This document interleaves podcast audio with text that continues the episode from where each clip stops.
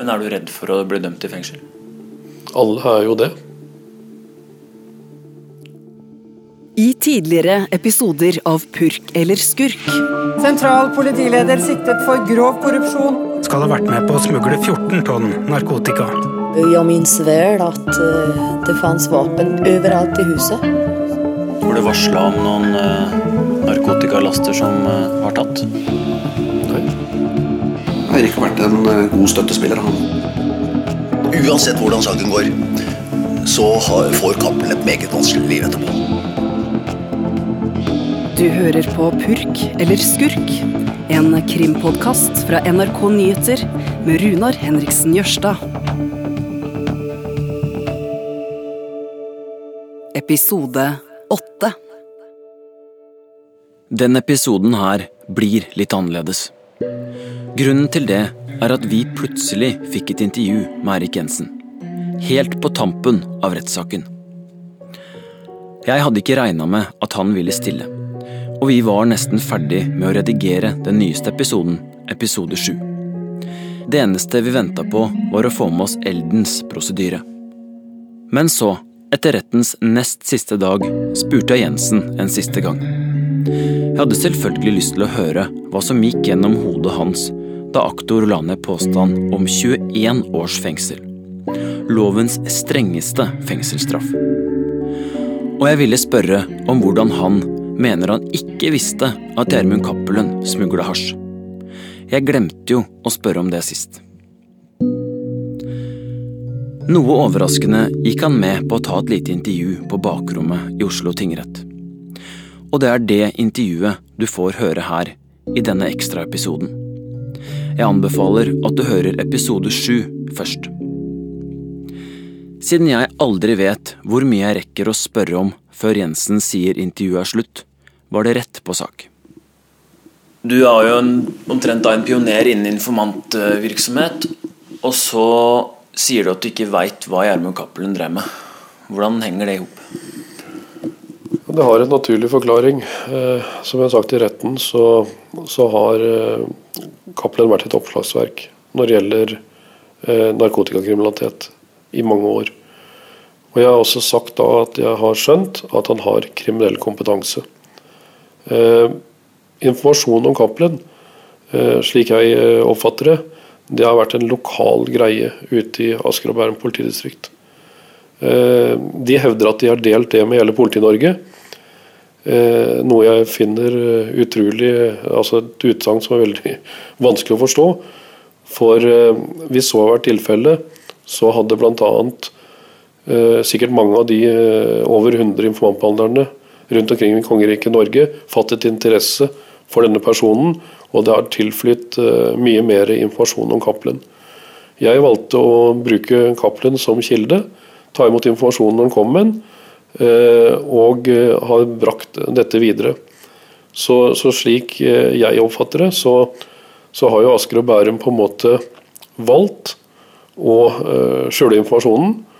Og de skylder da på mistanken om at han og jeg hadde et eh, kriminelt samarbeid, eller hva det enn har lagt til grunn.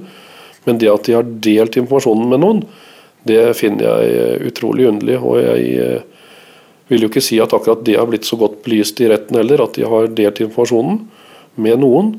Eh, og da, eh, i tillegg, når man ser eh, Cappelens såkalte kriminelle CV, som også er lagt frem i retten her sånn, og eh, kjører den litt opp mot andre kjente kriminelle, så vil faktisk Cappelen fremstå som en eh, relativt eh, uskyldig person, sammenlignet med, med personer som har eh, litt mer heavy navn. Hva trodde du Gjermund Cappelen drev med?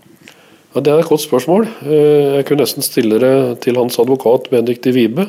Hva trodde han han drev på med? Eh, Jeg har alltid registrert at eh, Cappelen har kommet i fine biler, og at han har vært veldig opptatt av å se ryddig ut og, og på en måte fremstå som vellykket. Eh, Jeg har vel en følelse av at ene øyeblikket så har han spilt på travbanen. Andre øyeblikket så har han drevet med eiendomsutvikling, han har drevet med klokker. Han har solgt eh, Marstranderveien, som har kommet frem i retten her. Her må jeg bryte inn litt.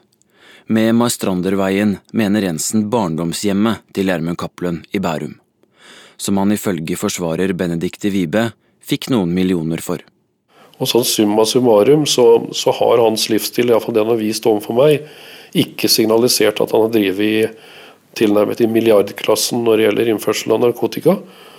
Og det har heller ikke tilflytt meg som uh, kildebehandler informasjon fra andre tjenestemenn om at de har sittet på informasjon eh, som gjør eh, Cappelen til et objekt i en etterforsking. Og da har jeg valgt å fortsette å ta imot informasjonen. Og hadde så vært tilfellet at noen har kommet og kappet meg på skulderen og sagt at vi skal ta Cappelen, så, så, hadde jeg, som alle andre informanter rullet ned kontakten gradvis. Og så hadde han da eh, på en måte gått i sitt eget garn. Eh, ja, det er sånn jeg har tenkt. Men, men skjønner du at, at, folk, meg selv inkludert, syns det er litt rart at en mann med din CV ikke klarte å finne ut at han holdt på med det han gjorde? Ja, jeg syns det er eh, et helt betimelig spørsmål. Men eh, hvis vi kan eh, bruke et tall, da. At det finnes 500 eh, registrerte informanter i østlandsområdet. Så er det jo utrolig underlig at informasjonen ikke har tilfalt andre politifolk enn meg. Nå peker pila på meg hele tiden, at jeg er en mirakelmann som kan lukke tollgrenser, åpne tollgrenser. Jeg kan gå inn i alle systemer og finne den informasjonen Cappelen ønsker. Det er en påstand. Eh, og den påstanden er eh, feil. Eh, for det er ikke sånn ting fungerer. Og det er ingen enslig politimann i Norge som kan på en måte styre etterretningsvirksomheten. Man kan ikke styre skjulte etterforskninger som blir iverksatt overalt i kongeriket Norge. For nedslagsfeltet for det han har tatt inn, må jo være, ja, iallfall i relasjon til den dimensjonen han sier at han har holdt på sjøl, Eh, slått nedover stort sett hele Norge. Og da at det ikke er kommet informasjon som peker direkte på Cappelen i alle disse årene, det undres jeg over. Eh, og jeg har ingen god forklaring på det, men kan det være slik da, at Cappelen har vært et, eh, en brikke i et nettverk som har vært så profesjonelt at ingen faktisk har catcha det, annet enn da angivelig Asker og Bærum politidistrikt som har valgt å holde informasjonen eh, på en egen server, som da betimelig brant opp når denne saken startet? Ikke vet jeg. Det svaret får vi vel aldri. Det Jensen sikter til her, er at politiet i Asker og Bærum i lengre tid hadde mistenkt at Cappelen fikk informasjon fra noen på innsida av politiet, siden de aldri klarte å ta han. I forrige episode hørte vi om en situasjon i år 2000 der Gjermund Cappelen ble spana på av Asker og Bærum-politiet. De så at han møtte Eirik Jensen og kjørte rundt med han. Etterpå ringte Cappelen direkte til spaningslederen. Noe tidligere spaningssjef i Asker og Bærum-politiet, Rolf Meyer, reagerte sterkt på. Etter kort tid så eh, ringer han av alle på tjenestetelefonnummer til spaningslederen vår og lurer på hvorfor i all verden vi driver og spaner den. Um, og for vår del da så er jo, satte vi sammen, direkte sammen, for vi så jo at det var Eirik som hadde vært i bilen. Så han har plukka opp Eirik Jensen, kjørt rundt med han på den rare kjøreturen, Slipper den av, og så går det noen minutter, og så får vi den telefonen rett ut. Så Cappelen ringer direkte til spaningsleder? Ja, det gjør han. Og det pussige er jo det at eh, de numrene som er der, det er, eh, dette er ikke noe som sentralbordet sitter på. Så vi følte jo der og da med en gang at vi var blåst av Eirik, rett og slett. At saken vår var i um, ja, gått i dass, på godt norsk. Denne hendelsen, og flere andre, mener Spesialenheten for politisaker, er bevis på at Erik Jensen visste utmerket godt at Gjermund Cappelen fortsatt drev med hasjsmugling. Her hører vi aktor Kristine Schilling sin prosedyre. Eirik Jensen har hele tiden nektet for at han kjente til at Cappelen drev med innførsler av hasj i den tiden de samarbeidet, dvs. Si fra 1993. Uavhengig av hva han har undersøkt, så vil jeg fra bevisførselen trekke frem noen punkter som vi mener at beviser at Jensen har visst om at Cappelen drev med hasjinnførsler. Første punktet der er at Cappelen var tiltalt i en straffesak i 1993 som gjaldt innførsel av 100 kg hasj. Cappelen har aldri hatt fast arbeid eller inntekt. Cappelen har vært registrert med roller i en rekke firmaer. Cappelen har hatt omfattende reisevirksomhet til Nederland og Spania, og har samtidig gitt Eirik Jensen informasjon om import og salg av narkotika, både om utenlandske og norske aktører. Cappelen har gitt tips om investering i et aksjeselskap med ikke tillitsvekkende aktører og virksomhetstype, og som Cappelen selv har brukt for hvitvasking av penger. Cappelen har hatt mye penger, som har vært tydelig for omgivelsene. Og så har vi konkret Eirik Jensens notat funnet på hans PC fra 1998, som vi vis, mener at viser at Jensen må ha forstått at Cappelen drev med hasj, i og med at Cappelen har vært kilden til denne type informasjon. Så har vi det dokumenterte grunnlaget for Asker og Bærum sin etterforskning mot Cappelen i 2000. Og Vi mener at dette er av en slik art og så konkret at det ikke er noen tvil om at Cappelen drev med innførsler i 2000. Jeg viser til politioverbetjent Rolf Meyers forklaring om informasjonsflyten fra Asker og Bærum til Oslo politidistrikt, og at Eirik Jensen var blitt kjent med hva Cappelen var mistenkt for å drive med. I retten fortalte en tidligere spaner i Asker og Bærum politidistrikt at en stund etter episoden i 2000 visste ikke de om Cappelen fortsatt var aktiv, men de fortsatte å samle informasjon som dukka opp om han. Denne informasjonen skal ha blitt lagt på en egen server, i frykt for lekkasjer. Men ifølge vitnet smelta serveren, og alle opplysningene gikk tapt. Før dette derimot sier Rolf Meyer at de informerte Oslo-politiet om hvilke operasjoner de drev med, og at Jensen dermed hadde full tilgang på opplysninger om Cappelen. Men sånn som i år 2000 da Cappelen ble påspanna, var det du som varsla han om det? Nei, det var det ikke. Jeg hadde ingen forutsetninger for å varsle Cappelen. Jeg kjente ikke til at han var under etterforsking. Jeg kjente ikke til at han var telefonavlytta. Og det er jo underlig at eh, vi avtaler et møte i nærheten av politihuset.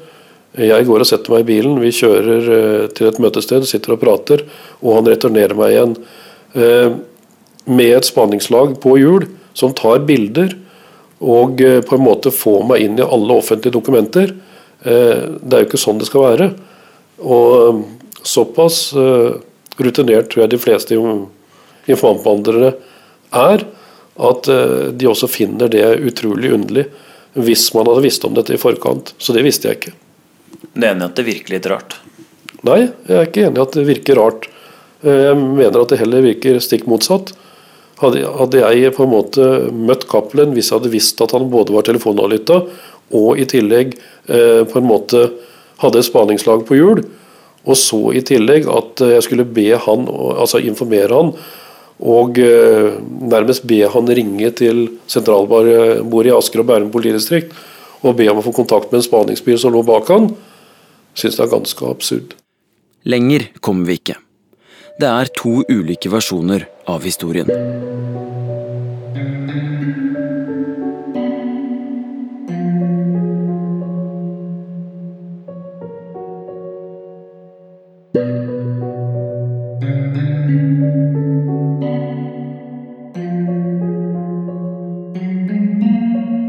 Selv om Jensen påstår at han ikke visste at Cappelen levde fett på hasjsmugling, mente han Cappelen hadde så mye kunnskap om smugling at han ble invitert på et møte med Oslo-politiet som en slags hasjekspert.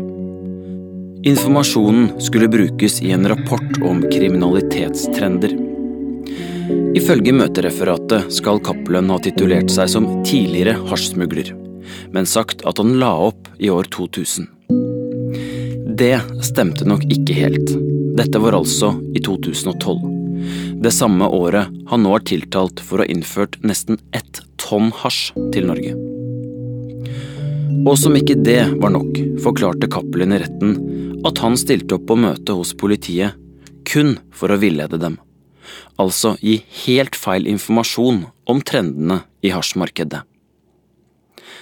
Da Cappelen sa dette, hevet dommer Kim Heger øyenbrynene. Vi sitter rystet tilbake. Det er ikke så mye som overrasker oss lenger, men dette, sa Heger da Cappelen fortalte hvordan han lurte politiet. Det var bare noe jeg sa for å holde fokuset borte fra meg selv, sa Cappelen. Heger fulgte opp. Er det noe her som stemmer? Det virker som du bare har sittet og sett på Narcos her, og så sier du dette til politiet, som skriver det ned. Cappelen svarte.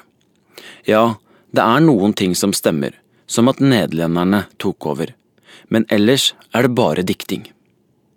Da kalles det for dikt, oppsummerte dommeren.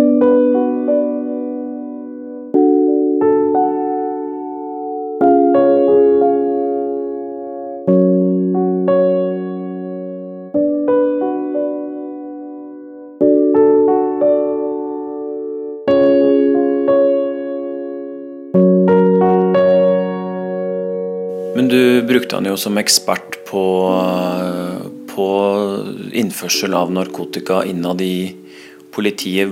Hva tenkte du om at han satt på den kompetansen? Nei, Det er jo det som er det unike. at Man har jo ikke mange eh, personer eh, i Norge med den kompetansen. Og Han sier jo, eller har jo sagt, at han var aktiv fram til et visst årstall.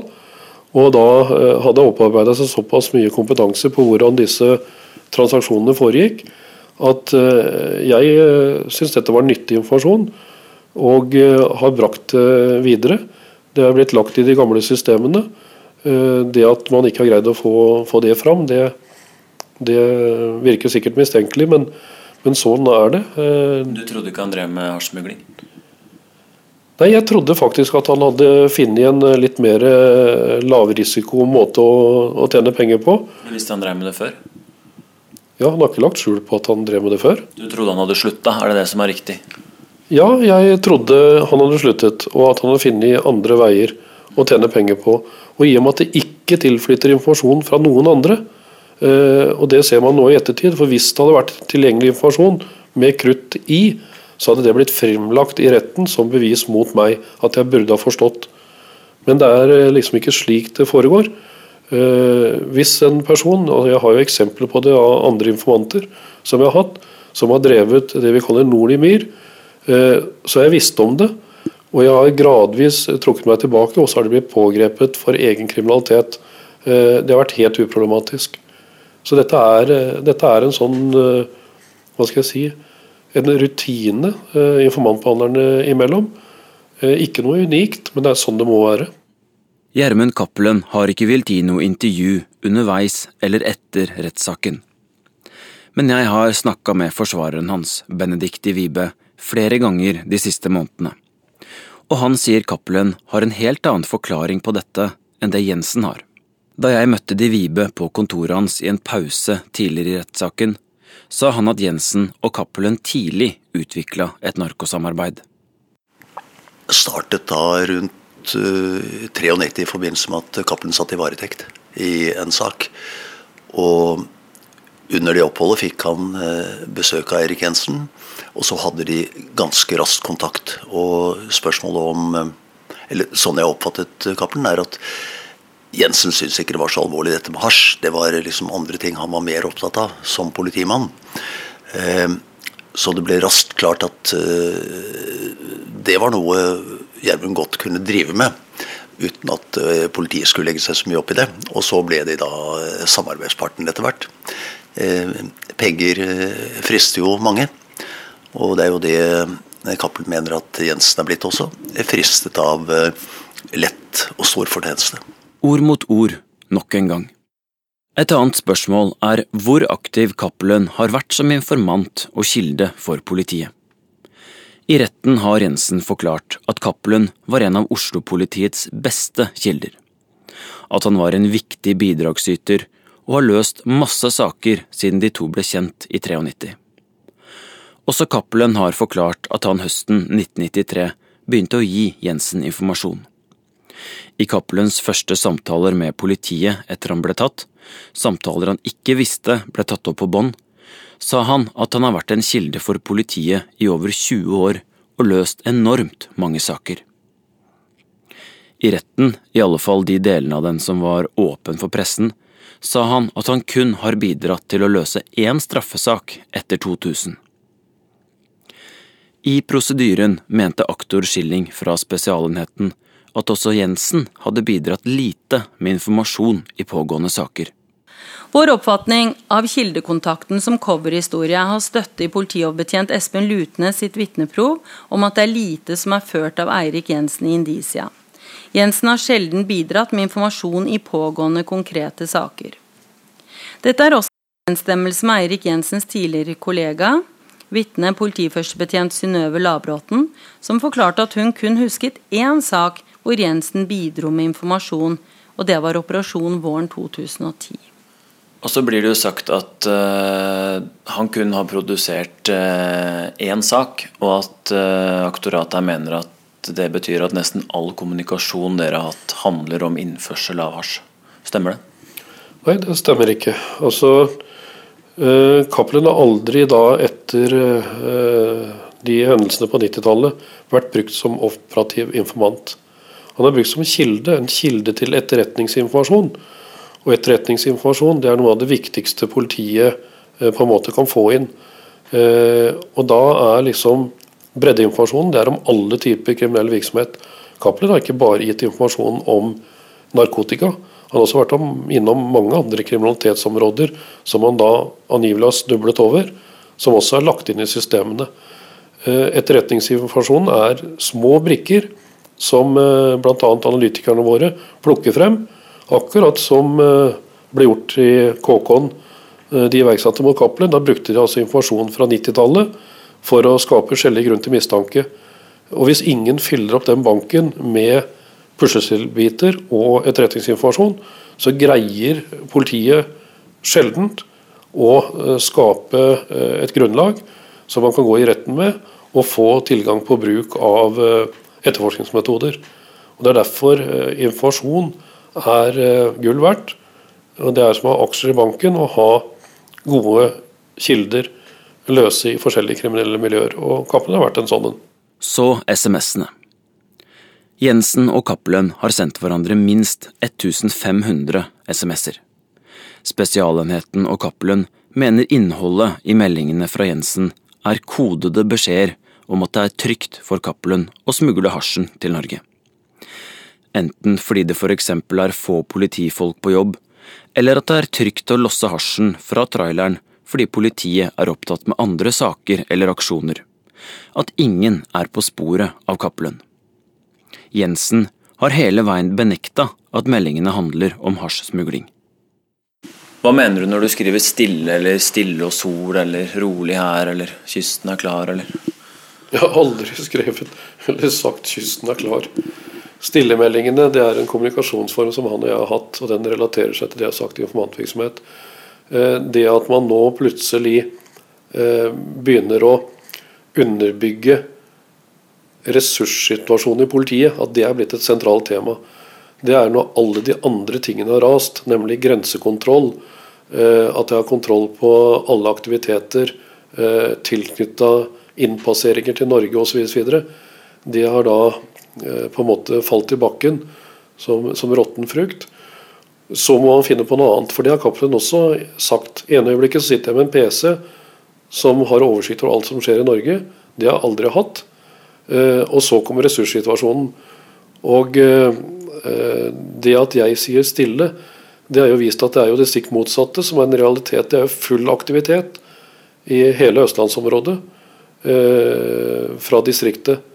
Eh, og Det eh, kan jo også etterprøves at de sakene som det jobbes med, det er lukkede prosjekter hvor man har full kontroll på hvem som har eh, tilgang til å lese hva som foregår. Og Det har jeg ikke hatt, og det har jeg aldri vært interessert i heller. Så Derfor så er jo det å flette inn hva Oslo politidistrikt har drevet på med, helt irrelevant. Når man også ser på Cappelens forklaringer og det som er fremlagt her, så har alle kriminelle aktiviteter foregått i et nabodistrikt som vi knapt har noen kommunikasjon med i det hele tatt. Hva betyr stille, da? Det stille, det betyr det kan, Hvis du hekter på et spørsmålstegn, så kan det være en henvendelse i Cappelen om det skjer noe. Altså Det kan være det stikk motsatte. Det betyr iallfall ikke at eh, kysten er fri, grensene er åpne, du kan gjøre hva du vil. Det er å dra det utrolig ut av, eh, av sammenheng. Og Det er det man, jeg mener at man har gjort. Aktiviteten i Oslo politidistrikt den kan være over hele Østlandet. Det kan være bistandssaker. Det kan være bistand til Asker og Bærum i en helt uh, en sak som kanskje er relatert til Cappelen, som jeg ikke har noen innsikt i. Eh, og da, eh, hvis jeg skriver stille, så kan det faktisk også være det stikk motsatte. Eh, basert på det som er fremlagt i retten. Så, så det å vektlegge det som en varsling, det blir å ta det helt ut av sammenheng. Spesialenheten mener Erik Jensen har brukt 1,67 millioner kroner mer enn han kan ha tjent lovlig i perioden de har etterforska han, altså fra 2004 til 2014. Totalt mener de politimannen fikk penger og verdier for til sammen 2,4 millioner kroner av Cappelen for samarbeidet. Har du brukt mer penger enn det du har tjent lovlig? Det er jo det de ønsker at det skal se ut som. Eh, at de har brukt penger, ja. Men jeg mener at det er fullt mulig å få frem hvor disse pengene kommer ifra. Og det mener jeg også revisoren har på en måte påpekt. At det er en vesentlig svakhet ved hele forbruksanalysen. Eh, men eh, hvis det hadde vært penger som ikke tålte dagens lys, så har jeg vel såpass mye kompetanse at jeg ville iallfall ikke gjort det på den måten jeg har gjort det i dag. Hva ville du gjort da? Ja, Det er gjort som Cappelen. Hvordan har han gjort det? Det må du jo, du har fulgt saken fra dag én. Så du har vel sikkert gjort deg noen refleksjoner om hvordan han har gjort det. Men, eh, men, jeg har gjort det på min måte, og grunnen til at jeg har gjort det, er det at jeg ikke har følt at dette har vært eh, et problem for meg. Altså at det ikke er noe kriminalitet knyttet til det. Det er en påstand, og så får vi se hva retten vurderer det til. Men uh, uansett så er det mye penger. Uh, det er veldig få møter med Cappelen. Og uh, hvis jeg skulle fått så mye pengesummer, så hadde jeg jo båret svære pakker med penger hver gang jeg møtte den. Og det er underlig at ikke noen har sett det. Ja, det, det er bra, da. Jeg skal bare sjekke hadde egentlig en jukselapp skjønner du, i tilfelle du skulle stille opp en dag.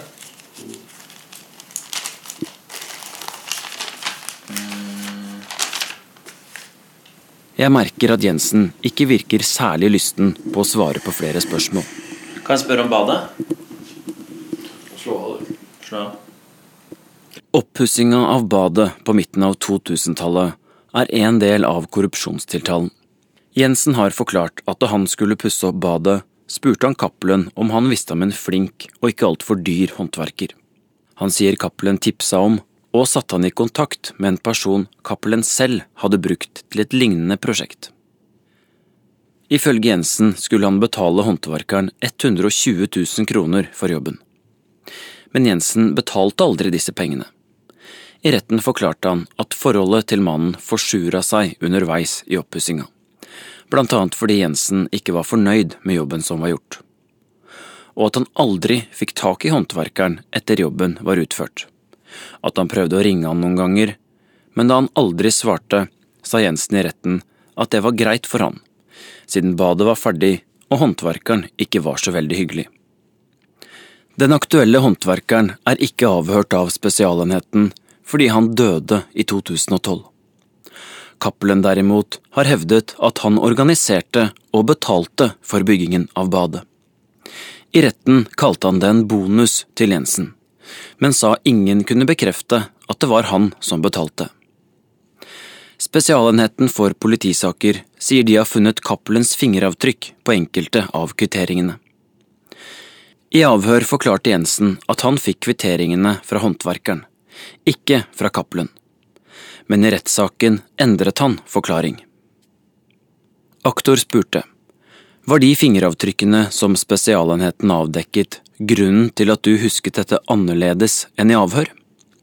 Nei, svarte Jensen, jeg husket feil i avhør. Så badet eh, kan jeg ikke se at skal utgjøre et selvstendig selvstendig bevis på helst.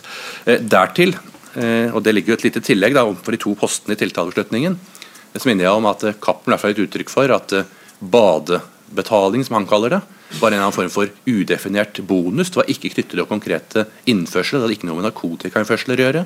Det var ikke altså noen medvirkningshandling opp mot noen narkotikaproblematikk eh, som ligger innenfor eh, dette med badet.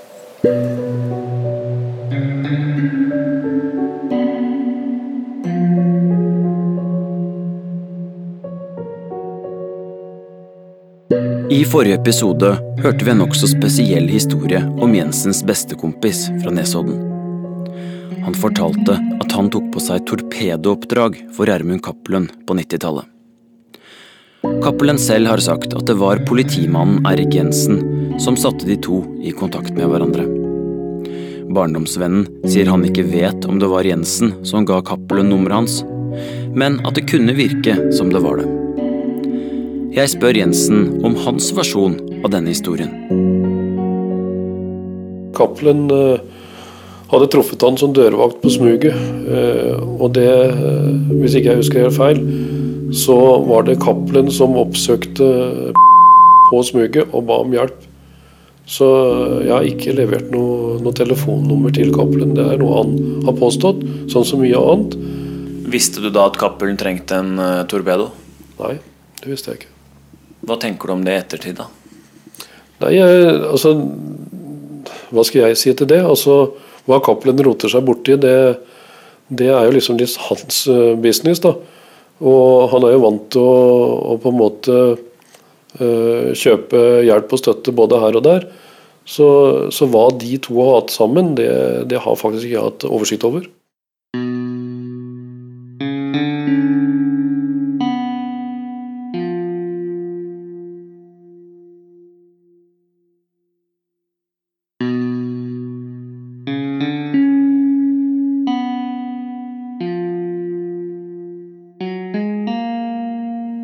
Dag etter dag de siste månedene har jeg sittet og sett på Erik Jensen inne i rettssalen.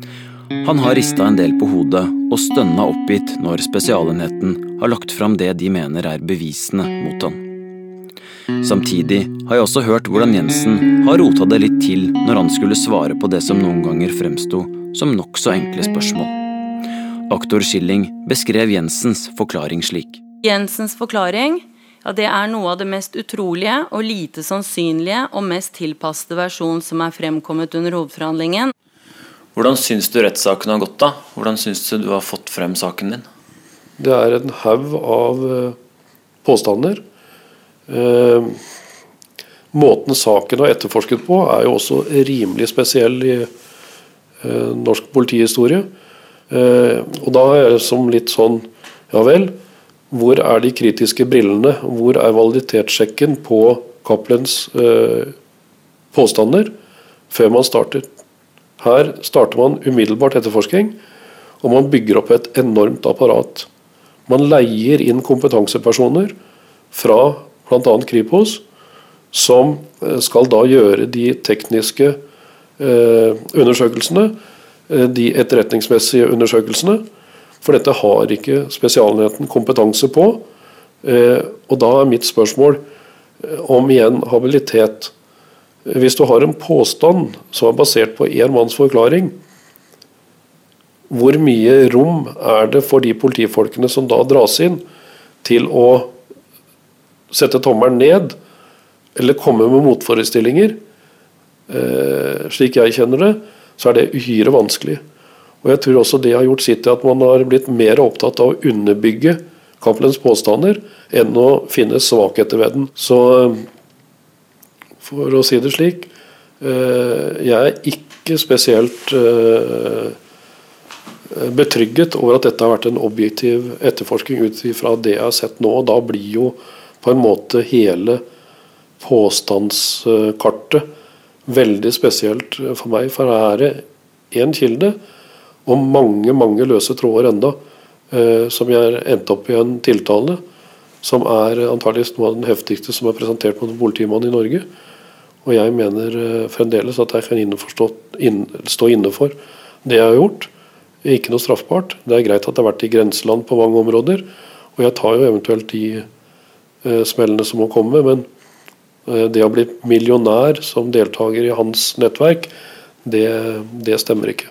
Jeg ba Guro Glærum Kleppe fra Spesialenheten svare på kritikken fra den tidligere politimannen de har etterforska. Spesialenheten har gjennomført en bred og grundig etterforskning. og De bevisene vi mener er relevante for tiltalen, de har vi ført her under hovedforhandlingen. Og Nå er det opp til retten å vurdere de bevisene. Han mener dere har søkt å bekrefte påstandene Cappelen har kommet med, i stedet for å prøve å avkrefte dem. Hva sier du til det? Som, som, sagt så har Spesialenheten eh, gjennomført en eh, veldig bred og grundig etterforskning som har søkt å eh, avkrefte, bekrefte de forklaringene som er gitt. Og det er søkt etter eh, objektiv informasjon eh, på, eh, for, rundt, rundt, alle relevante tidspunkter i forhold til alle temaer som har vært sentrale i etterforskningen. Under den siste dagen i retten var det igjen stappfullt på tilhørerbenken. Noen av de som satt der, har fulgt saken hele veien. Andre fjes var ukjente. Men det var en spesiell stemning. Jensen har jo en solid fanskare. Jeg finner ikke noe bedre ord for det. Støttegruppa hans på Facebook har nå over 16 000 medlemmer. De dagene vitner har sagt kritiske ting om Jensen, har det murra litt blant noen av de faste tilhørerne men etter hvert som elden dro på mer og mer i sin prosedyre, ble stemninga blant flere av tilhørerne stadig bedre. Og da elden avslutta med å be om at Jensen frifinnes, brøt det nesten ut applaus.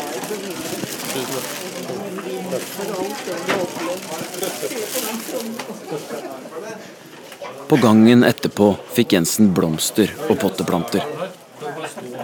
Men dommer Kim Heger er ikke medlem av Jensens støttegruppe.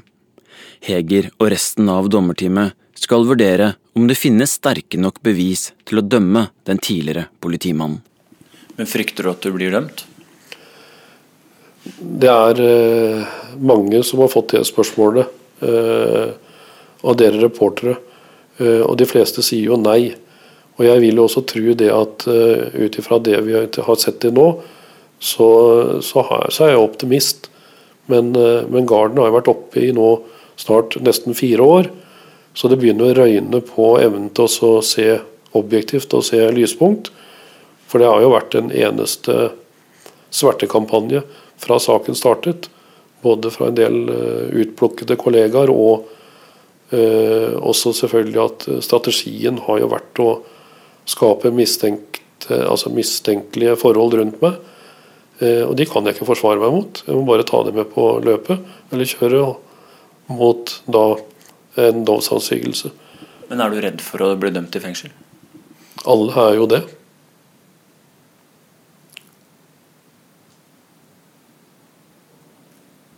Hva tenker du da når aktor legger ned påstand om 21 år, da? Det er klart at det slår. Eh, jeg mener at eh, jeg fremdeles kan stå oppreist og se folk i øya. Men, eh, men, det blir tøffere og tøffere, fordi at du blir jo på en måte litt hjernevasket av prosessen. Hadde jeg ikke hatt en uh, trygg havn hjemme og en del uh, veldig solide støttespillere, så hadde ikke dette gått. Hvordan vil du takle en eventuell fengselsstraff da, tror du? Det vet jeg ikke. Hvordan blir sommeren da? Å gå og vente på dommen? Jeg tror det ble et eh, helvete.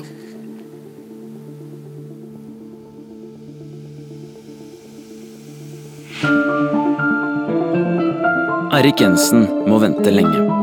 Dommen kommer først i slutten av september. Da får vi et svar på om Erik Jensen er purk eller skurk. I mellomtida skal vi finne en ny, spennende sak å lage podkast om. Derfor trenger vi tips fra deg. Sitter du på en historie vi burde fortelle eller grave mer i? En knallgod sak ingen har hørt om? Eller har du et nytt tips i en sak vi allerede kjenner til? Ikke nøl med å ta kontakt. Send mail til runar-nrk.no God sommer. Vi som lager Purk eller Skurk, heter Runar Henriksen Jørstad, Lillian Grønning, Martin Giæver og Irina Kjelle. Musikken den er av Jane Kelly og Sindre Hotvedt.